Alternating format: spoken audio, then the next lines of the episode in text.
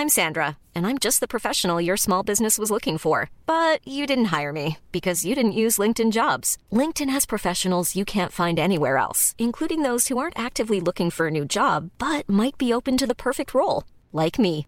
In a given month, over 70% of LinkedIn users don't visit other leading job sites. So if you're not looking on LinkedIn, you'll miss out on great candidates like Sandra. Start hiring professionals like a professional. Post your free job on linkedin.com/people today.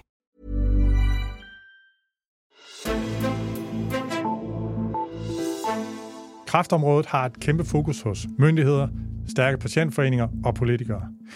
Hvordan kan DR så pludselig breake, at der er alvorlige og udbredte ventetidsproblemer til en bestemt type mavekræftsoperation? Det kigger vi nærmere på i Altings sundhedspolitiske podcast. Her skal vi også tale om, hvordan supersygehusbyggerierne er gået fra at være en regional vindersag til nu at løbe ind i stribevis af problemer. Og nu vi taler regionerne, så skal de til mus-samtale med hele regeringen og partilederne 30. marts. Det taler vi om. Og så får vi i dag en styrelsesdirektør på besøg. En, der har ansvaret for et område, der ofte beskrives som et gigantisk problem. Men samtidig så øh, beskrives Danmark også som et af de steder, der er førende i verden på området. Hvordan kan det lade sig gøre? Det kigger vi også på. Mit navn er Ole Toft, og jeg er sundhedspolitisk analytiker på Altinget. Velkommen til dagens ene af to gæster i dag, nemlig dig, Mads Kok Hansen, selvstændig rådgiver på sundhedsområdet og konsulent for PR-virksomheden Rud Petersen. Tak skal du have. Ja, Mads, du er jo stadigvæk meget ung, men du er også en del ting, som du er tidligere, altså tidligere formand for Lægeforeningen, tidligere lægelige direktør i Syvs, øh, Bælt, øh, Syvs Lillebælt, og så er du jo stadig, kan man sige, øh, speciallæge i anestesiologi. Yes, Har jeg glemt noget? Ja, en masse ting, men det går nok. Ja, okay, godt så. Ja, men altså, øh, skal vi ikke starte med det, der er det helt store lige nu, altså den her kraftsag fra Aarhus øh, Universitetshospital. Der sker noget dag for dag, men altså, øh, der har været, øh, der viser sig, at der er omkring 128 øh, mavekræftpatienter, som har ventet øh, længere, og nogen markant længere end de 14 dage, som øh, loven siger. Afdelingens kræftlæger, de siger, at de har advaret sygehuslægelsen. Man har set øh, øh, dokumentation i, på DR.dk, der har lavet en stor dækning af det her, øh, afdækning af det, øh, hvor de ligesom advarer sygehusledelsen om det. Øh, kræftens bekæmpelse siger, at det her det er noget af det værste, vi har set i, i lang tid. Mads Kok, du er tidligere lægelig direktør på Sygehus Lillebælt. Du må jo nogle gange have fået øh, advarsler fra dit personale og sådan noget. Hvordan øh, er det sådan lidt, jamen altså, der er så mange personale, der skriver og siger, at der er noget, der kan være fejligt på patienten, hvis der ikke sker noget? Eller er det her, hvor du tænker, hvad pokker sker der? Altså jeg vil sige, det, det her, det lyder, øh, det er alvorligt, og det lyder, altså der er ligesom om, der er et eller andet i historien, vi ikke rigtig ved, fordi det er meget, meget påfaldende, at man, øh, man, har, man kan opleve det her i, i dag. Øh, jeg var øh, sygedirektør i fem år, og jeg kan næsten ikke huske, at vi havde overskridelser på behandling. Med mindre det var nogen, øh, som øh, af, af fejl, så var, var, var blevet sat en dag eller tre for sent, eller i forbindelse med, øh, det har så været udredningen, og det, det er en anden bekendtgørelse, øh, øh at vi ikke har kunne overholde øh, pakketiderne, fordi der, hvis der er mange helligdage i streg. Men det her med, at man sådan lidt systematisk har udskrudt en, en patientgruppe, det husker jeg simpelthen ikke. Og, og jeg ved, at vi hver eneste måned havde alle øh, de afdelinger, der udreder og behandler kræftpatienter, sendte de mig en mail øh, med redegørelse over, hvordan det så ud, og hvad der har været overskridelse i den pågældende måned. Og vi skrev det sammen og sendte det ind til ministeren hver eneste måned, fordi det var ligesom noget, der ikke var acceptabelt, og hvis der var, en, var noget, så skulle vi selvfølgelig hjælpe sig med at få det løst. Ja, og altså der har jeg hørt øh, sundhedsdirektøren Helene Probst i radioen i dag, hvor hun siger, jamen altså, grunden til, at der næsten ikke har været nogen indberetninger fra vores side, det er, fordi vi har fulgt reglerne for, hvornår man skal indberette, at øh, hvis patienten ikke har, der kan være nogle faglige årsager til det, men øh, de fleste, der har patienterne egentlig bare ønsket at vente, så man kunne blive behandlet der. Øhm, og jeg, jeg, har, jeg har googlet lidt øh, det her, fordi jeg kan jo godt huske, der kom de her indberetningsregime for, jeg tror det var 2011 eller 12. Ja, 1. marts 2012. 1. marts 2012, øhm, hvor at, at sygehusdirektøren simpelthen skulle underskrive og sende ind, og det var der, hvor jeg tænkte, okay, nu er der ingen muligheder for det længere. Men der, hvor hun så siger, jamen, det, øh, hvis patienten ønsker at, vente, så, så er det ok. Men altså, det jeg undrer mig lidt over, da jeg så googlede det og fandt, kan man sige, bekendtgørelsen for det, så står der jo faktisk, at øh, Øh, kan den ansvarlige region ikke tilbyde undersøgelse eller behandling på eget sygehus inden for den maksimale ventetid, følger det af regionens handlepligt efter bekendtgørelsen, at patienten skal tilbydes udredning eller behandling inden for den maksimale ventetid på et sygehus i en anden region, et privat sygehus her i landet, eller et offentligt eller et privat sygehus i udlandet. Øhm, og det er jo lidt noget andet i, i forhold til det, hun sagde. Og så står der så, kan regionen ikke tilbagevinge det øh, tilbud øh, om undersøgelse, så skal man meddele det til øh, Sundhedsstyrelsen, hvis øh, patienten ønsker det.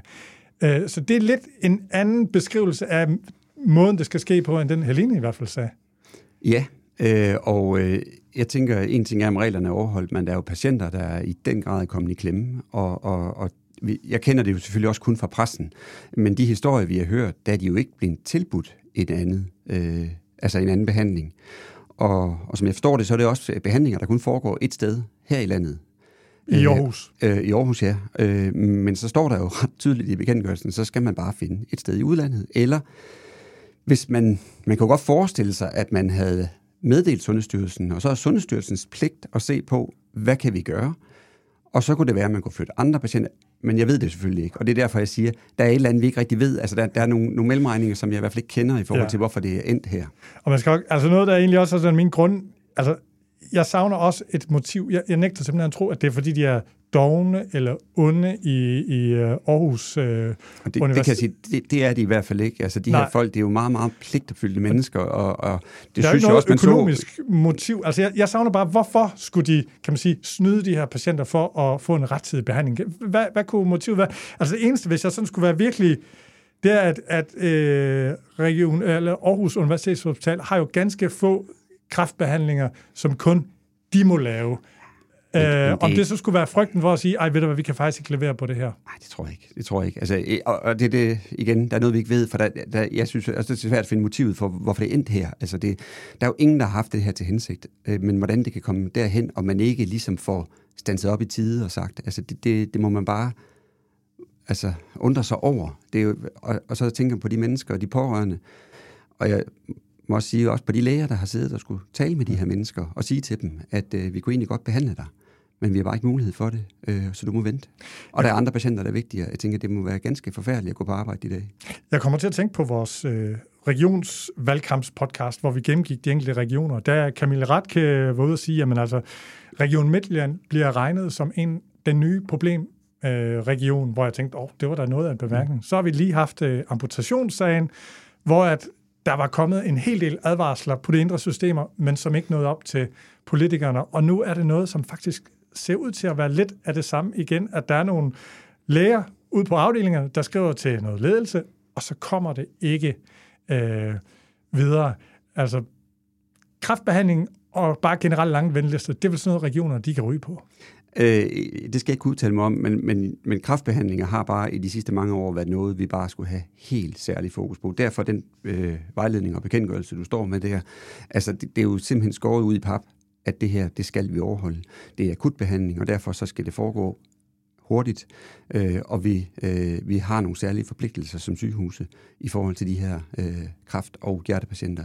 Øh, og, der, ja, så, og så kan man undre sig. Ja.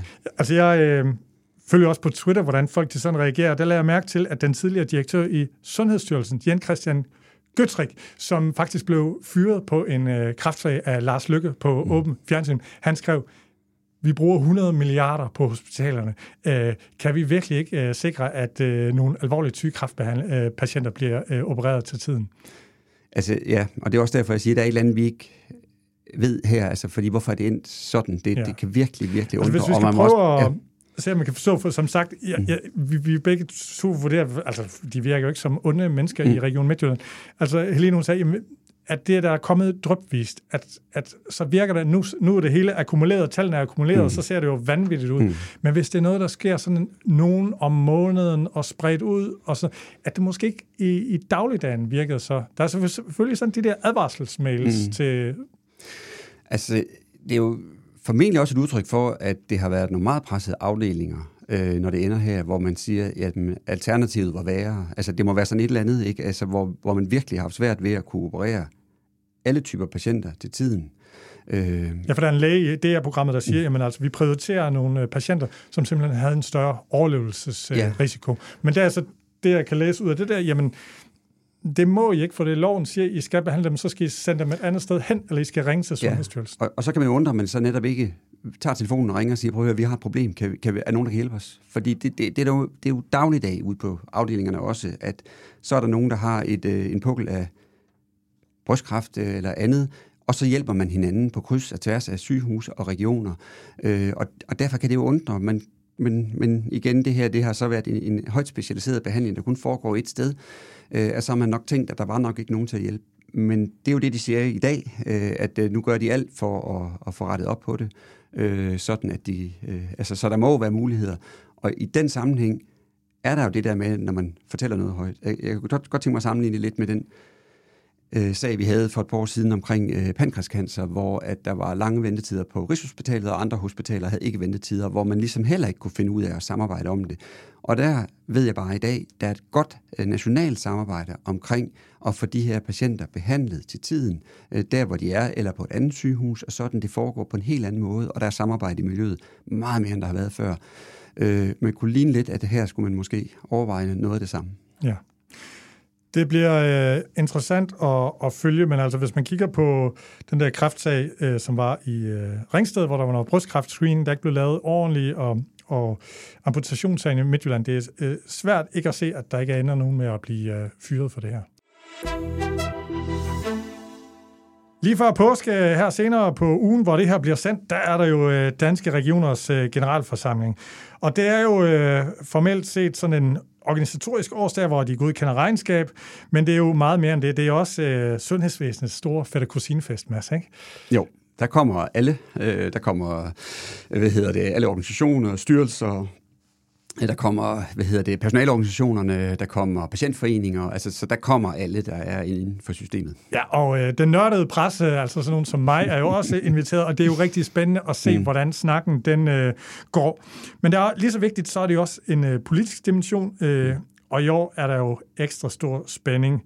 Øh, og jeg har været med, jeg tror, en, øh, 10 år, og altså, det er så spændende den her gang, fordi altså, regionerne står muligvis til at blive øh, lukket, og det er ikke, og, og det, det vil er jo, det er faktisk ikke øh, første gang. Altså, jeg har jævnligt været der, hvor at Bent Hansen og andre har skulle stå og forsvare, hvorfor det var til, og i, i 19 kan jeg huske, Simon Emil Amensbøl holdt regeringshilsen, hvor han jo ligesom sagde, ja, altså hvis øh, vi kan bestemme, så bliver jo lukket, men nu må vi se, hvem der bliver lukket. Det kan jo være, at vi tager på næste valg, og det gjorde de så, og øh, han røg ud af, af Folketinget. Øhm, men med sundhedsaftalen sidste år, jamen, så så det jo egentlig lyst ud, ikke? at øh, bredt flertal i Folketinget, og man holdt fast i den her struktur. Og nu så her med valget, så står det helt åbent, og til KL's øh, øh, topmøde her i, i sidste uge, der var der jo øh, øh partilederdebat, hvor Troels Lund sagde, jamen, altså, det her med regionens fremtid, det, det kan vi lige så godt være ærlige om, det er vi ikke enige om.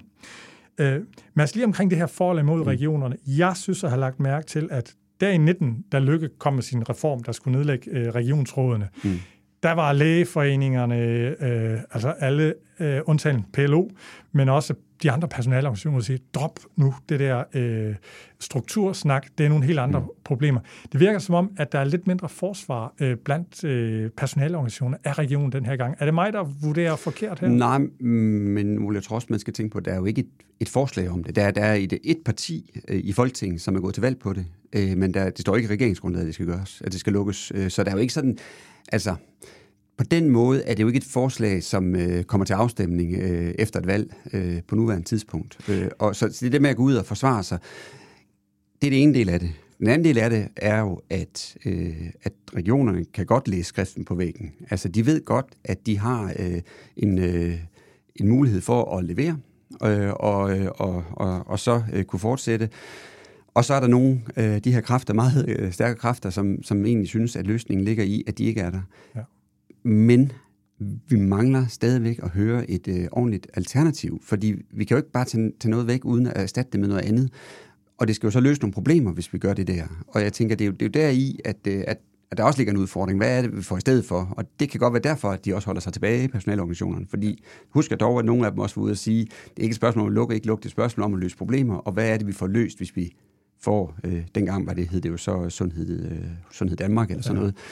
Så, så der er sådan flere aspekter i det. Ja, og jeg synes, øh, dog, at man begynder at fornemme, at folk de siger, okay, enten så ender man med at lukke regionerne helt, ellers så ryger Region Sjælland og Region Nordjylland. Og det at øh, Region Sjællands øh, øverste administrative mm. direktør og at øh, regionsformand Heino Knudsen øh, nu siger, at han, han stiller ikke op til næste valg. Det er ikke noget, der sådan ligesom, kan man sige, mindsker øh, tiltroen til, at øh, der kommer til at ske noget stort med den her strukturreform. Nej, altså det er jo nogle kraftige øh, signaler, man kan se der. Øh, igen, er man også bare nødt til at kigge på, er det, den, er det det, der løser vores problemer, at vi så slår to regioner sammen? Der er stadigvæk langt til Nakskov. Altså, der er stadigvæk ikke læger, der bor dernede. Så, så det løser det ikke i sig selv. Ja. Øh, jeg tænker, der, der kommer formentlig en strukturkommission inden længe, øh, og den har formentlig til opgave at pege på, hvordan gør vi fremadrettet uden, øh, ja det ved vi jo selvfølgelig ikke, om øh, hvor, hvor bundet det bliver, men, men med regeringsgrundlaget i mente, så er det jo ikke sådan, at der står der, at det er en bunden opgave at lukke regionerne. Nej. Tværtimod, det er at skaffe en bæredygtig øh, sundhedsvæsen fremadrettet, øh, hvis jeg læser mellem linjerne. Ja. Og øh, sådan som jeg har hørt det, så 28. Øh, marts, et par dage før øh, generalforsamlingen, der skulle strukturkommissionens øh, kommissorium øh, komme ud i luften. Men det må vi se, om øh, det holder.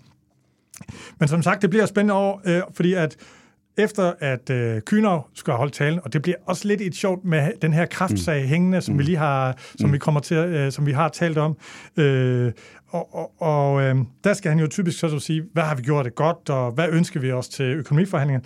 Og så bagefter, så kommer regeringens hilsen, som finansministeren kommer, mm. og det er jo sådan lidt en mus-samtale, du ved. Mm. Lidt ros og lidt, lidt øh, kritik, du ved, der bliver nok noget med de administrative øh, stillinger og, og sådan noget, ikke? Øhm, og, men, men der bliver det her med den her underliggende, du ved, hvad, hvad, hvad, hvad vil de egentlig med, med mm. regionerne? Og så det der, sådan, så kommer så to øh, toppolitiske ting mere, for det så bagefter, så er der et, et interview på scenen med indrigs- og sundhedsminister Sofie Løde, øh, og jeg tror det måske, at det er fordi, at vi har den her særlige regering, der har både en rød og en blå, mm. fordi normalt så plejer det at bare være en fra regeringen, men altså så er hun er jo et andet parti, Sofie Løde er venstremand, og, og finansministeren er socialdemokrat. Og så bagefter, jamen så er det simpelthen partilederdebat, øh, hvor alle partilederne, ja, undtagen øh, Mette Frederiksen, som fun fact aldrig har været til Danske Regioners øh, generalforsamling øh, som den eneste statsminister i øh, regionernes liv. Hvis jeg husker rigtigt, øh, det, det er jeg egentlig ret sikker på det. Øh, men i hvert fald, der bliver en partilederdebat der, og der kommer det vel også til at kredse om, hvad, øh, vil vi beholde regionerne? Så kan det selvfølgelig være, at de siger, at nu har vi nedsat den her øh, strukturkommission, øh, som skal se på det, men jeg tænkte, der bliver vel noget med at så tale ind i, hvad står der i det kommissorium? Ja. Almen praksis. Ja, det bliver øh. spændende at læse, fordi øh, altså regionerne øh, har løst øh, rigtig mange opgaver øh, i den tid, de har eksisteret, i forhold til at få øh, hurtig, effektiv sygehusbehandling til rigtig mange patienter. Og jeg ved godt, at ventelisterne er lige nu øh, meget længere, end de var for et par år siden. Øh, og jeg ved også godt, at der bliver talt meget om øh, øh, det nedslidte system, men der er stadigvæk rigtig mange patienter, der hver eneste dag får god behandling derude, og, og mange øh, tilfredse medarbejdere, der går på arbejde. Så det er jo sådan øh, på den ene side og på den anden side. Og lige præcis, øh, Anders Gynhav kommer fra en region, hvor øh, øh, stort set alle sygehuse jo på et eller andet tidspunkt bliver erklæret Danmarks bedste lille, øh, mellemstore eller store hospital. Så, så det er jo også det bagtæppe, han har, at øh, når dagens medicin er ude at kåre på rigtig mange parametre, så ligger de bare så godt.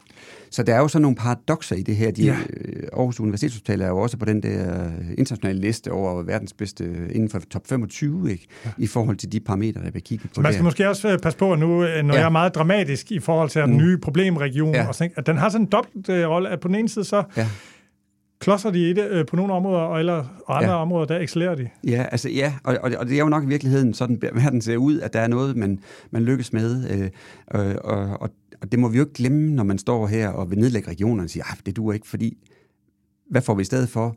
Og hvad med alt det, som de faktisk er lykkedes med i forhold til at få, altså for 25 år siden, så var det jo, der var et hvert sygehus med respekt for sig selv, havde jo kæmpe overskridelser af budgetter.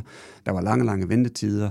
Øh, det var ikke sådan, at arbejdsmiljøet det var tip-top for alle på det tidspunkt heller. Altså, så der er jo nogle ting, der er en udvikling, der er sket. Det lyder sgu lidt som om, du ikke helt hælder til at nedlægge regionen. Jamen, jeg tror bare ikke på, at man kan gøre det uden at have et godt alternativ. Jeg tror, man er nødt til at kigge meget på, hvad er det for en løsning? Hvad er det for et problem, man løser med det? Fordi selvfølgelig kan man nedlægge det, men man kunne også nedlægge kommunerne. Altså, at det kommer ikke til at ske. Det er ikke et forslag, men, men det kan man jo også bare argumentere for at sige, de løser heller ikke opgaven, vi nedlægger dem. Men, men derfor skal skolerne jo stadigvæk øh, drives, derfor skal kloakkerne stadigvæk renses, derfor skal, skal vi jo stadigvæk have ældreplejen til at fungere. Problemerne ligger jo i, øh, altså, inde i substansen, og, og så er det spørgsmål, om det er det med at lave en, en strukturel ændring, uden at have det gode svar, som er, øh, er det, vi skal. Øh, det må vi se. Jeg tror, vi ved meget mere om øh, 14 dage, øh, når, når der er kommet et kommissorium, øh, og den øh, her strukturkommission den er nedsat, fordi så ved vi, hvad regeringens bud er på, øh, hvad der skal svares på. Og vi øh, springer lige tilbage til KL's øh, topmøde i Aalborg, hvor der var partilederdebat. Og da øh, Liberal Alliances Alec Vanekslag, han kom med en advarsel der. Han bliver spurgt, øh, ligesom flere af de andre ordfører, øh, partiledere, er du enig i, at vi skal prioritere? Der er simpelthen ting, vi ikke skal tilbyde. Og der har han den her advarsel, som vi lige kan prøve at afspille her. Alex, er du øh, parat til at prioritere skarpt i ydelserne fra sundhedsvæsenet? Nej, så det har vi jo, det, når det kommer til medicin, så har vi jo medicinrådet, der prioriterer. Men, men jeg har den generelle tilgang, at vores ambition politisk må være, at det er undtagelsen, og det sker så lidt som muligt, at vi siger, at der er behandlinger, vi kunne tilbyde, men vi vælger ikke at tilbyde dem øh, af hensyn til den samlede økonomi. Der må ambitionen da være, at vi øh, får skåret så meget ned på byråkratiet som overhovedet muligt, at vi får øget produktiviteten i al almindelighed i sundhedsvæsenet. Altså det, det, det ulykkelige er jo, at de senere år er der kommet flere ansatte, men man producerer mindre. Altså der er sket et produktivitetsfald. Øh, og vi ved også, at der er en udfordring øh, med, at mange øh, sygeplejersker vælger at gå ned ad en forskningsvej eller ned ad en, en mere administrativ vej, dels fordi der er nogle, nogle, nogle andre muligheder også karrieremæssigt og, og, og, og lønmæssigt, men, men vi bliver jo nødt til at tage fat i alle de ting, der handler om øh, organisering, øh, øh, for meget administration, øh, byråkrati. Fordi hvis ikke vi gør det, jamen så bliver konsekvensen jo, at der er andre steder, hvor man ikke kan øge udgifterne. Og det betyder så, at så skal man sige til nogen øh, mennesker, ja, der er godt nok en behandling, men vi har ikke råd til den her i Danmark, hvor vi hele tiden render og siger, at vi er verdens bedste velfærdssamfund. Hurra, hurra, det er derfor, du betaler så høj skat, det er fordi, du får alt i velfærd. Og, og så tror jeg bare, at tilliden til velfærdssamfundet ender med at smuldre. Mads, han siger jo, jamen altså, hvis man begynder at tilbyde noget, der er evidens for, som har, har, har god effekt, så begynder folk at købe det selv, eller de siger, det der velfærdssamfund, det gider vi ikke at betale til mere. Og I læger, I elsker jo det. I snakker om, at vi skal prioritere. Men mener egentlig kun, at vi skal kun prioritere det, som er unødigt og skadeligt, eller hvad? Ja, jeg må øh, sige, at jeg er meget enig med ham. Jeg, jeg synes sådan set, det er rigtigt set, at det her med en effektiv kraftbehandling, som vi så ikke lige tilbyder, det, det, det, det, går bare ikke. Altså, så må vi finde ud af, øh, altså, det er jo, der kan man kigge over på medicinerådet. Det lykkes de jo med et langt stykke hen ad vejen at sige, hvad er så der, hvor vi kan bruge behandlingen? Hvad er det for nogle kriterier, der skal være opfyldt, og så videre. Men, Jamen, det der med sige, men ja. lykkes det, for det er for eksempel kraftlæge, øh, ja. det der fedme, øh, Novos fedmiddel, ja. det begynder folk jo at købe i stor stil selv. Eller et stor stil, jeg ved ikke. I hvert fald, man hører mange ja. historier om det. Og, og det, det er jo et eksempel på noget, hvor, hvor man kan sige, det, det er jo sådan noget, man, man næsten kan gøre selv. Øh, men når staten eller det offentlige ligesom siger, der er en effektiv behandling, men vi vil ikke tilbyde den, det, det er ikke en, en vej, vi kender, medmindre det er noget, der er så afsindigt øh, øh, dyrt i forhold til effekt. Og, og jeg tror ikke på, at man kan gøre det. Man skal gå en anden vej, som han også øh, antyder, at man er nødt til for det første at gøre det øh, i samarbejde med patienterne. Øh, finde de rigtige patienter til den rigtige behandling. Og så er der rigtig meget af det her spild med unødige undersøgelser og behandlinger for en sikkerheds skyld. Der er meget mere at hente der, end der er i, at vi lukker ned for nogle få behandlinger. Men det bliver rigtigt den dag, hvor behandlinger af 10-20 millioner kroner per styk kommer øh, på markedet, hvor man kan sige... Og de er på vej, jo. Ja, ja, de er på vej. Inden for alle sygdomsområder kommer der jo exceptionelt gode behandlinger, eller ikke alle, men rigtig mange sygdomsområder, hvor vi kommer til at skal diskutere, hvordan håndterer vi det her.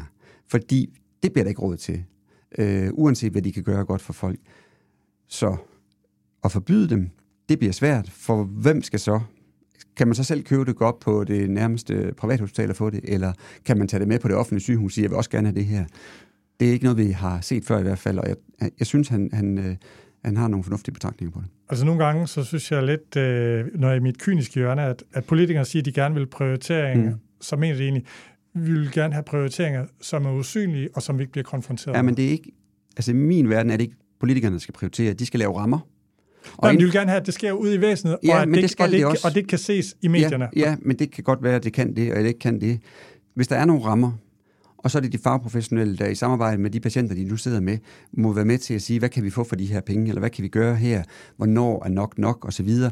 Altså, folk er jo meget, meget fornuftige og veluddannede, og, og der vil jo i nogle tilfælde jo være gamle mennesker, hvor man siger, at det her, det giver ikke rigtig mening. Selvfølgelig kan vi godt give en kur mere, men og, og få den dialog, og så finde ud af, er det det rigtige eller ikke rigtige. Og der er også meget hent i det der, populært sagt, øh, fælles beslutningstagning, som også praktiseres på rigtig mange afdelinger, hvor man egentlig får spurgt lidt ind til patientens værdier, hvad er det, de gerne vil, hvor man kan lave en mindre skånsom behandling, som er altså, mindre gennemgribende, knap så høj dosis eller lignende, øh, eller ingen behandling, og så kan de være hjemme. Jeg tror, jeg tror, det er den vej, man skal gå, frem for at forbyde øh, effektiv behandling. Så skal vi tale IC i sundhedsvæsenet. Noget, der virkelig kan få øh, personalets øh, øh, blod og andre ting i K. Øh, og vi har nemlig fået besøg af Lisbeth Nielsen, direktør i Sundhedsdatastyrelsen. Tak fordi du kom, Lisbeth. Tak fordi jeg måtte komme.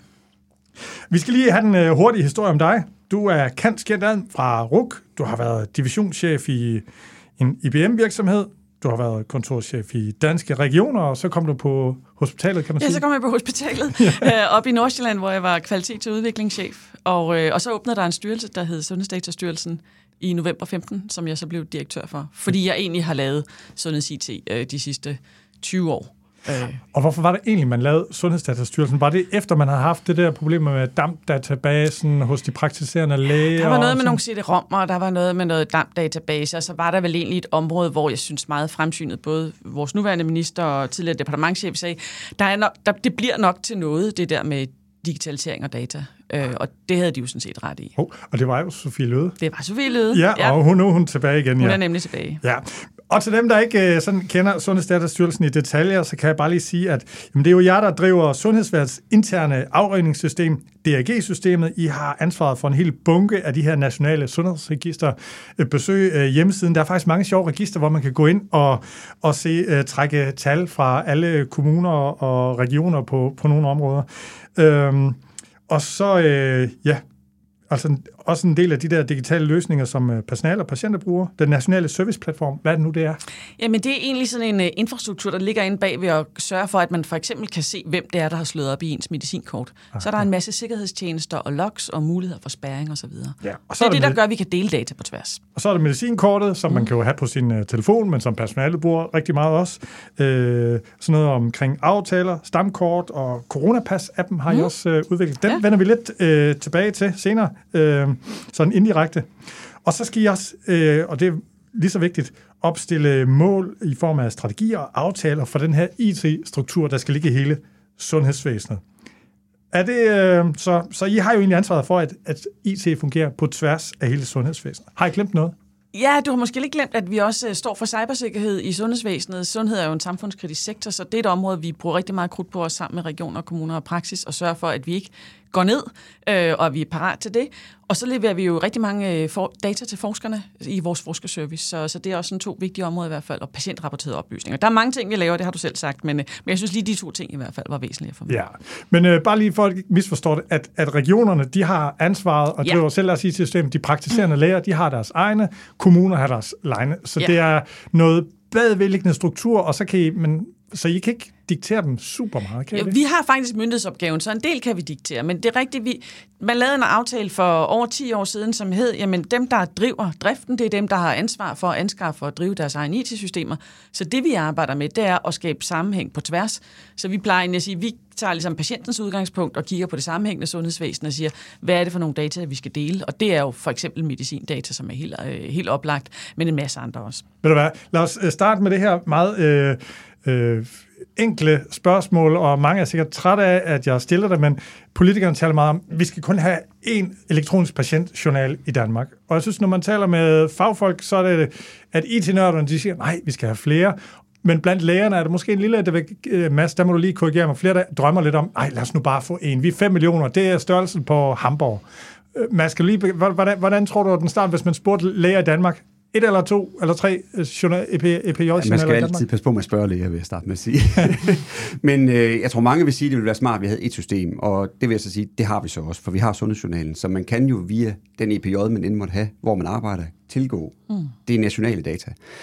Jeg har altid været fortaler for, at vi ikke kun har et, fordi monopoler er altid lige med dyre regninger og dårligere kvalitet, end man ellers kunne få. Så jeg er den, der, en af dem, der taler for, at vi har flere øh, øh, hvad hedder det, elektroniske journaler, men de skal dele med arbejde godt sammen. Ja, og, og du fik, altså jeg hørte også en sige, at man skal også passe på, altså den elektroniske patientjournal, det er en lille del af mm. sundhedsvæsenet, hvor mange politikere, når de taler, så taler om, jamen det er ligesom det, der er.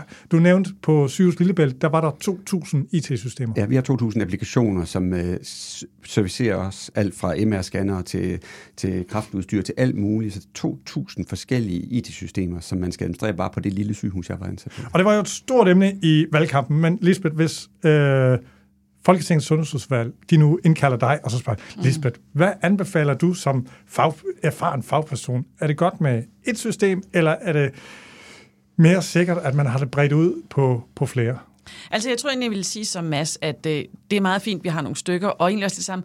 Ja, selve journalen er jo en del af det, men der er rigtig mange andre dele, der er lige så vigtige. Det er super vigtigt, at der er en god integration til røntgensystemet, eller der er til det, de har på intensiv, hvor man har noget mere specialiseret. Så, så jeg tror, det der med, om det er et EPH-system eller ej, det er ikke så afgørende. Man kan selvfølgelig sige, ud fra et økonomisk synspunkt, er der så flere integrationer, der skal vedligeholdes. Men hvis der stadigvæk er x antal røntgensystemer, så er det næsten ligegyldigt, hvor meget det skal, det skal hvad hedder det, integreres til. Så jeg tror, det jeg vil sige, det handler mere om, hvordan, altså, hvad er det for nogle centrale kliniske processer, vi skal have godt IT understøttet? Det kunne være interessant at snakke om. Hvad er det for nogle overblik, vi giver de sundhedsfaglige, når de sidder og behandler patienter? Jeg tror, jeg, jeg har nogle gange fået en oplevelse af den diskussion, der er, at, øh, at den kommer til at handle enormt meget om at komme af med data. Og, og det, er jo, det er jo det, vi hørt også i sundhedsplatform og andet. Det, det tager for lang tid at registrere, hvordan kommer vi af med data. Men, men det er jo, øh, og, og det er jo skidt, hvis det er sådan, så det må man arbejde på, og det bliver du også arbejdet på med talegenkendelse. Men hele pointen er jo, ligesom når vi andre bruger IT i andre sammenhæng, det er jo at komme hen til den der skærm og se, hvad er det egentlig, der er sket for den her patient?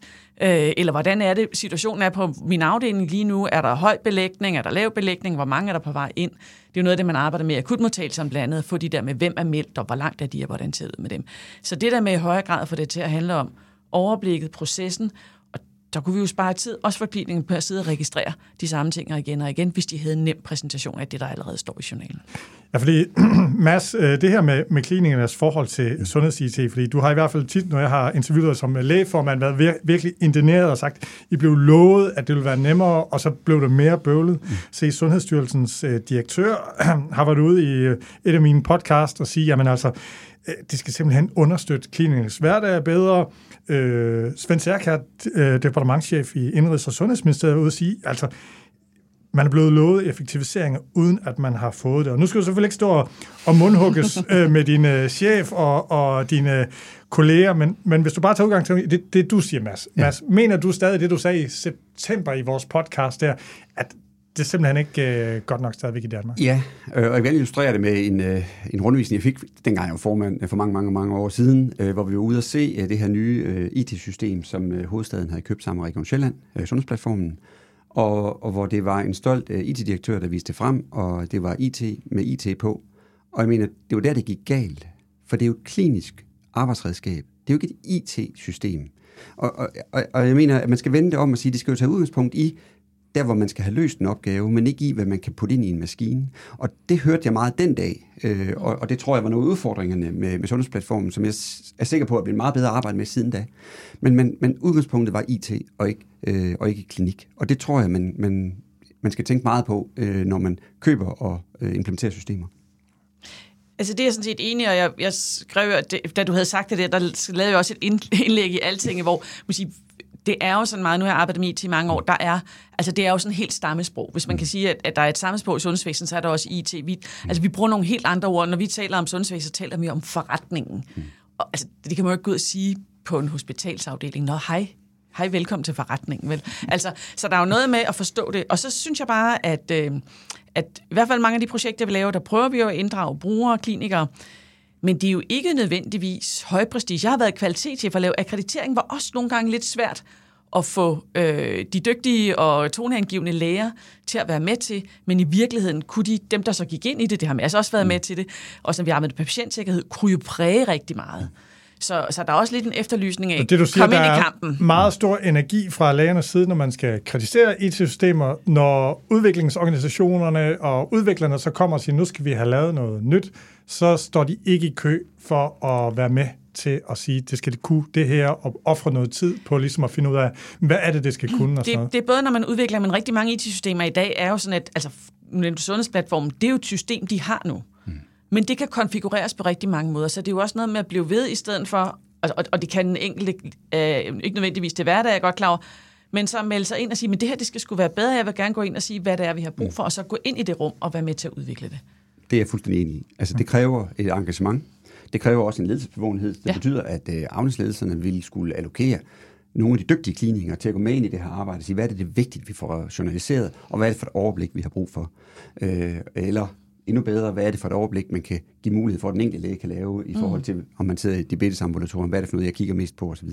Og de systemer findes, og det kan jo lade sig gøre, men, men, men det er ligesom om, at udviklingspengene i, ude på sygehus, det ligger et andet sted end derude i den der øh, øh, øh, hvad hedder det, grænseflade mellem, mellem øh, sundhedsprofessionel og IT-system, og der, tror, der, der tror jeg, man skal putte meget mere energi ud, fordi mm. så vil man få meget mere ud af de systemer, man allerede har, øh, og, og kunne få også noget af det, som du talte om først, mm. det her med også at få præsenteret data, så man får det overblik, som en elektronisk journal jo giver et kæmpe godt mulighed for. Jeg har jo stadigvæk øh, fra en tid, hvor man arbejdede med papirjournaler, det var svært at få overblik, medmindre man havde skrevet et eller andet. Altså, og det er jo IT's fornemmeste rolle, det er jo at skabe overblik ud fra data. Lisbeth, det er tit, man øh, i Danmark, der siger man, altså, når man kigger på internationale sammenligninger, så er vi øh, verdensmestre i øh, øh, sundheds-IT. Sundheds-IT er jo et kæmpe stort område. Kan du sige, hvor, er, hvor vil du godt påstå, her er vi sgu førende, og hvor er vi, kan man sige, mindre gode? Kan man, kan man øh, Altså man kan sige, det er, det er simpelthen at, fra asken og ilden. Hvis jeg er hjemme i Danmark, og det er sådan set det samme også med sundhedsdata og adgang til dem, så, så, er, det, så er det jammer og tænders gnissel. Og det er fair nok, selvom folk også er stolte. Jeg skal bare syd for grænsen, så, øh, så ligger de jo på knæ og siger, fortæl os, hvordan I har gjort. Øh, nu skal jeg til at være rådgiver på Schweizerne og deres, øh, formentlig ikke deres, øh, hvad hedder det, EPJ-implementering. Så, så der er sådan et eller andet, det, det er meget sjovt, at det er sådan. Men det, vi er førende på, det er jo at kunne kommunikere på tværs af sektorer. Øh, altså så det der med elektroniske recepter, som jo er nyt nogle Og på steder. tværs af sektorer, der mener vi Det fra er fra, sygehus til det, kommune det er til... sådan det klassiske patientforløb. Du kommer til egen læge, du bliver henvist til et sygehus, øh, du skal måske i genoptræning i kommunen, og du, øh, og du, kom, og du får et udskrivningsbrev tilbage til egen læge. De der sådan helt klassiske flows har vi jo haft digitaliseret i måske 25 år. Er det ikke korrekt forstået, at det her, vi i Danmark har det her fælles medicinkort, at øh, øh, den praktiserende læge og ude i kommunen, der kan man faktisk se, og på sygehuset se, hvilken medicin, og på apoteket kan de også se det. Jo. Det kan man faktisk ikke i flere af de skandinaviske lande. Er det, det, kan man ikke i forstået? nogen af de skandinaviske lande. Altså det man kan, det er, at man kan se elektroniske recepter, men det vi jo kan i medicinkortet, det er, at man som læge også kan ændre dosis. Du kan sige, hvad er det for nogle lægemidler, jeg patienten ikke skal være i behandling med mere. Og så slår det igennem, så når du kommer tilbage på plejehjemmet, så kan de se, det er den her behandling, patienten skal have nu. Rydde ud i medicinskabet og sørge for, at man får det rigtige, gå på apoteket og forhindre det rigtige. Så det er bare at sige, det der første med patientflåde, det har vi kunne længe. Medicinkortet er der, hvor vi deler data på tværs. Det er det, vi begynder at gøre nu også med aftaler og med det, der hedder stamkort, som er, øh, hvem er jeg, hvordan, hvem er min nærmeste pårørende, hvad er mit telefonnummer, så man selv kan gå ind og opdatere på sundhed.dk. Det er det der, hvor vi deler. Og så er der sådan nogle løsninger, hvor vi, øh, som er telemedicinske løsninger og andre, hvor, som er sådan ægte fælles løsninger, sovbehandling og sådan noget. Hvor er vi svagest hen? Øh, jeg tror, der hvor øh, øh, telemedicin er jo sådan et ømt punkt på en eller anden måde. Ja, og der kan jeg jo lige Ja. putte lidt, øh, Ja. at øh, jeg har læst i 2016, der blev man enige om, at ved du hvad, nord, øh, nordjyderne, de har lavet det her forløb med øh, telemedicin til kolpatienter. Det virker godt. Lad os få det udrullet, og så kan vi putte andre kroniske sygdomme på. Og det var jo så i 2016, og det har bare været rigtig svært. Og nu, vi behøver ikke have en eller anden lang forklaring på, hvorfor dit og hvorfor dat, men, men kan du sige noget grundlæggende om det der telemedicin? Hvorfor, hvorfor er det, har det været ekstra svært? Øh, ja, jeg tror, der, der er en ting, som handler om, vil vi det egentlig? Altså, hvem har incitamentet til, at patienterne får telemedicinsk behandling? Vi ved, at patienterne, de fleste patienter vil ret gerne have det. Hvis man sidder i et ambulatorie, hvor stor en fordel er det for en selv at skulle se patienten digitalt? Det så vi under corona. Steg det helt vildt med virtuelle øh, konsultationer, også ambulatoriebesøg, og det faldt næsten ned til det samme niveau bagefter, ikke? fordi det er alligevel ret, folk kommer forbi.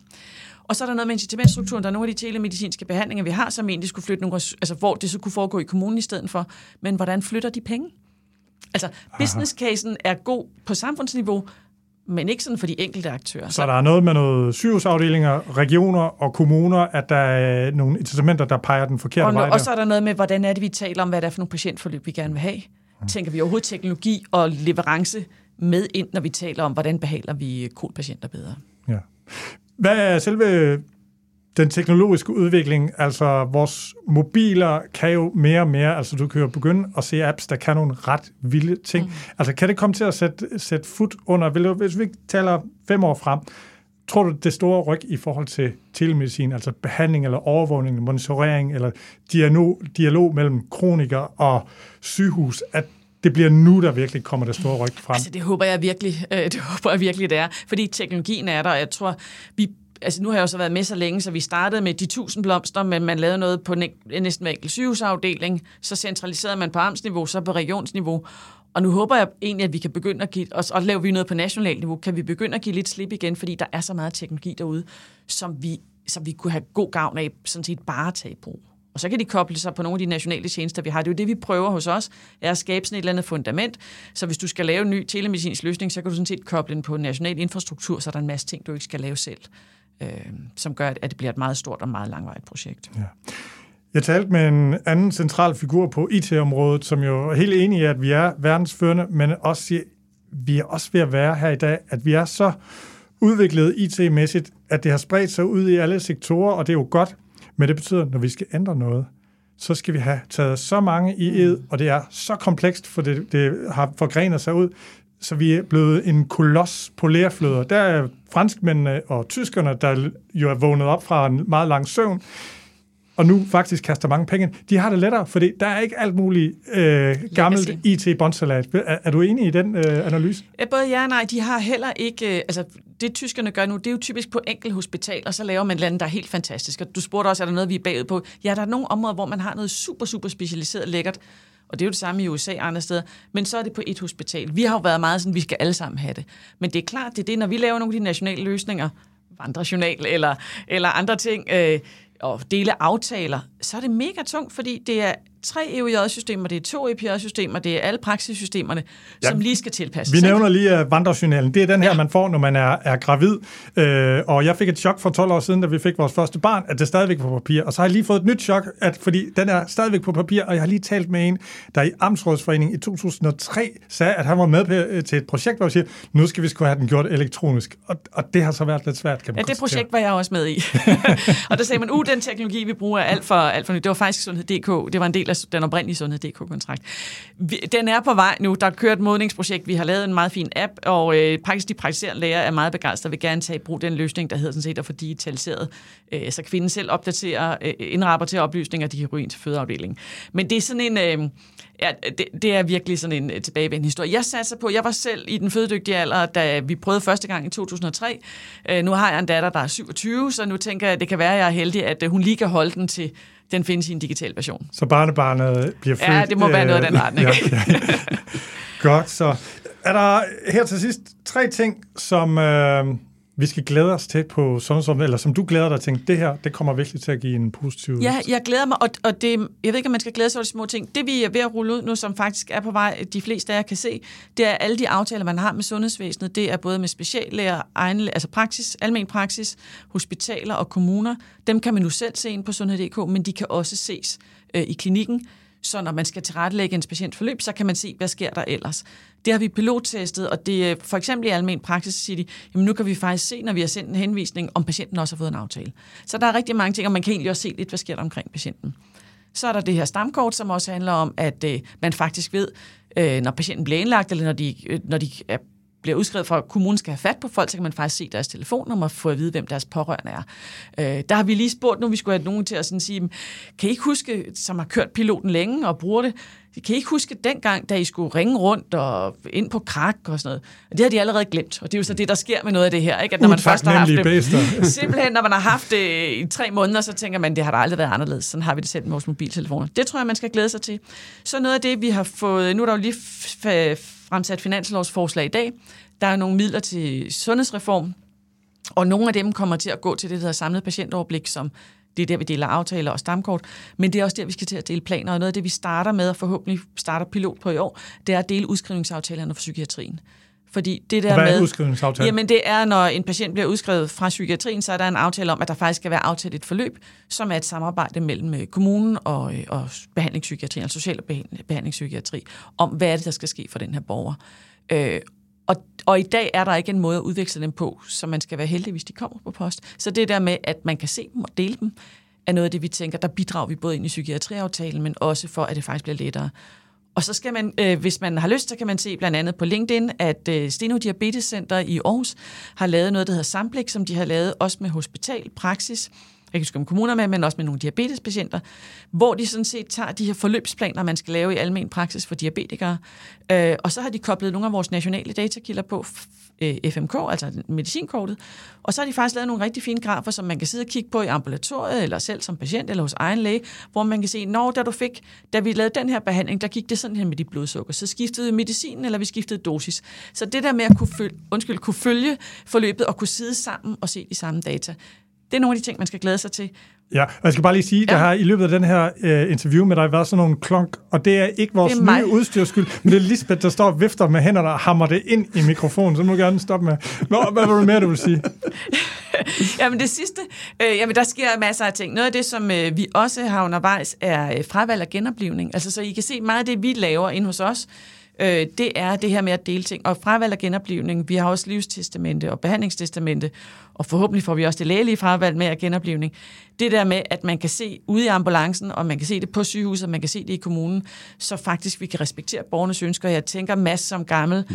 øh, anestesilæge og intensivlæge vil vide, at... Øh, og ambulancelæge, ja. Og øh, altså, jeg har også været på hospitalet, når vi havde matkaldene, mm. og, øh, og de her, så, så var det, altså, det der med at begynde at genopleve en patient, som sådan set havde valgt, at de ikke ville genopleves, øh, det, er, øh, det, det er en trist fornemmelse. Ja. Mig, jeg har prøvet det, og det, ja. det altså, Lisbeth, jeg var sige, det lyder simpelthen godt, det her. Det er nogle vildt gode ting, du fremhæver, og virkelig noget, jeg synes øh, vil løfte øh, den mulighed, det er for at agere som, som sundhedsprofessionelle ude i det sammenhængende sundhedsvæsen, mm. ikke også? Øh, det er det, du understreger næsten i alle tre øh, eller fire eksempler her. Så altså, det bliver godt. Jamen, øh, det håber vi så. Der er så en øh, 81-årig dame, jeg læste om på, øh, jeg tror det var TV2 Øst, der lige har fået tatoveret, jeg vil ikke genopleves på sin øh, brystkasse, men det, det vil sige, det kan måske være spildt. Nej, det, det var lidt endnu, før, før, før det er implementeret, så, så hvis hun har planer om at, og, øh, og skulle ikke genopleves lige forløbig, så det Mads, har, du, har du også tatoveret det? Nej, det har jeg ikke, men, men jeg er bare nødt til at sige, det er jo heller ikke en gyldig kommunikationsvej, fordi øh, hvem, hvem ved, om det var manden, der havde gjort det, altså, øh, når ja. hun ligger der. Så jeg vil sige, det, det, det er jo, jeg, jeg, jeg, jeg forstår det godt, mm. øh, og man skal også respektere folks ønsker. Dem skal vi bare have kommunikeret på en anden måde, så vi er sikre på, øh, at det er sket i øh, god orden. Øh, og så skal vi som system øh, respektere folks ønsker, det er det vigtigste. Godt. Lisbeth, jeg tror mm. ikke, øh, vi når mere, men uh, tusind tak, fordi du kom på besøg. Selv tak, og tak fordi måtte komme.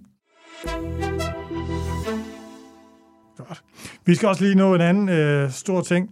Sygehusbyggerierne har jo været uh, noget af det, hvor man har fremhævet regionerne. Det har de skulle klare mm. godt. Uh, sådan uden de store uh, tidsoverskridelser, meget få budgetoverskridelser, men så her de seneste år, så har der været store budgetoverskridelser, altså virkelig store byggefejl, ikke? altså utæt tag på Odense Universitetshospital, øh, utæt facade i Region øh, Nord, og bare lige for at nævne nogle, mm. nogle få. Altså, det er gået lidt fra, at, at, at det var noget, man prallede med i regionerne, nu kommer der bare problem, problem. Noget er det selvfølgelig, vi har haft en historisk inflation. Så er det svært at holde budgetterne, men kan du se nogen årsager til, hvorfor lige pludselig så begynder det bare at komme? Nu er jeg jo heldigvis ikke byggeekspert, men øh, ja, men det man, altså, der er jo et, et, et, et problemstilling i, øh, synes jeg, at man har bygget alt øh, på samme tid, eller stort set. At det, det har ligget meget oven hinanden. Det betyder jo, at man har gjort det svært for sig selv. Så det er jo ikke regionernes ansvar alene. Det var jo sammen med regeringen, man besluttede at gøre det på den her måde. Og det er også strukket over mange år, men øh, de overskridelser, de, de problemer, der, ser, der kommer nu, øh, kunne man jo godt mistænke om, at det er den der meget, meget, meget stramme økonomistyring, der gør, at man simpelthen ikke får lavet løsningerne ordentligt. Eller, ja, så er det, jeg ikke er byekspert, men øh, det er i hvert fald påfaldende, som, øh, som det nu, øh, dem der er tilbage, øh, det ser skidt ud. Øh, og og det, øh, det er jo svært for regionerne at, jeg vil sige, at, at, at håndtere de der situationer. Selvfølgelig er det det. Øh, og nu er der jo lige udkommet en bog, jeg godt nok ikke har læst, men bare har hørt omtale af, øh, Bent Flybjerg, som øh, øh har undersøgt det her med store... Ekspert i megaprojekter. Ja, som har undersøgt lige præcis det her med at bygge stort og, og store IT-projekter lignende, hvor, hvor, hvor der er en læring om at, at, at bryde det ned, så man gentager det samme mange gange, i stedet for at starte for, for scratch hver gang. Og det er jo desværre det, der har været virkelighed i hver region, har måttet starte fra scratch, når de har skulle bygge de her nye sygehuse, og har ikke korrekt lære erfaringerne, eller tage eksperterne med rundt øh, i landet. Øh, og det er jo sådan en læring, man kan sige, men det er altså ikke kun regionerne, det er jo sammen med regeringen, man, er, man har ansvaret der, og så der tror jeg, de er lige gode om. Ja, Ben Flybjerg, det er jo et Allan Flybjergs fætter, bare som uh, fun fact. Men ting, jeg vil sige, uh, for en del år siden, der interviewede jeg uh, formanden for statsrevisorerne, den, uh, den foregående, hvor han netop sagde, de der, uh, at han så et kæmpe problem i, at man byggede dem parallelt, at man ikke fik startet et sted og noget mere ensartethed. Øh, nu er der mange, der synes, at Rigsrevisionen er nogle rimelig bagkloge øh, typer, men der kan man sige, der sagde han det jo faktisk på forhånd. Jamen, de er nogle bagkloge typer, og de er rimelig hårdt deres kritik. Øh, men ja, det, det er jo sådan, altså det, det må, jeg vil ikke pege fingre, men det må bare være en læring, ikke? at man, man kunne nok have stået i en bedre situation nu, hvis man havde været knap så hurtig, men, men det var det, man blev enige om, at nu skulle det gå stærkt, og der var mange penge, og det er jo også, det er også nødvendigt at få de her nye byggerier. De steder, hvor man har taget dem i brug, er, har det jo også givet et kæmpe løft. Altså, jeg har jo selv været med i Kolding, hvor vi har fået enestuer, 257 enestuer, tror jeg, vi fik. Det var et kæmpe løft i kvaliteten af behandlingen, at man pludselig kunne tilbyde det, frem for fire og fem stuer og alt muligt. Så, så mm, det har ikke, der har ikke været et rigtigt svar på det.